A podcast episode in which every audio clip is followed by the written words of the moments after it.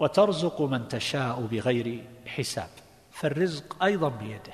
إذا كان هو الذي يدبر أمر هذا الكون ويقلبه فهو الذي يملك أيضا الأرزاق. وترزق وعبر بالفعل المضارع الذي يدل على استمرار والتجدد ترزق. فهو يرزق في كل لحظة ولا ينفك العباد ابدا عن رزقه.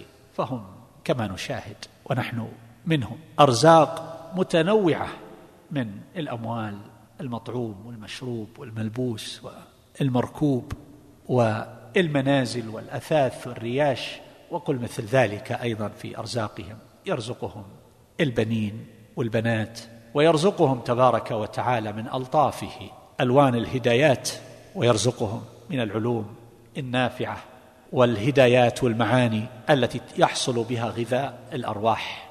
فهذا من رزقه تبارك وتعالى. وترزق من تشاء. وهنا علق بالمشيئة وهذا يدل على كمال التفرد والغنى والقدرة والإرادة. ترزق من تشاء بغير حساب. ومن هنا فإن العبد يتوجه في رزقه وطلبه إلى مولاه سبحانه وتعالى. هو الذي يملك الرزق.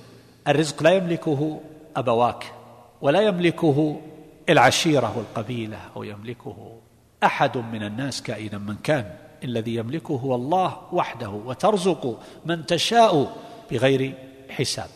فإذا أيقن المؤمن بهذه الحقيقة فإنه لا يخاف على رزقه.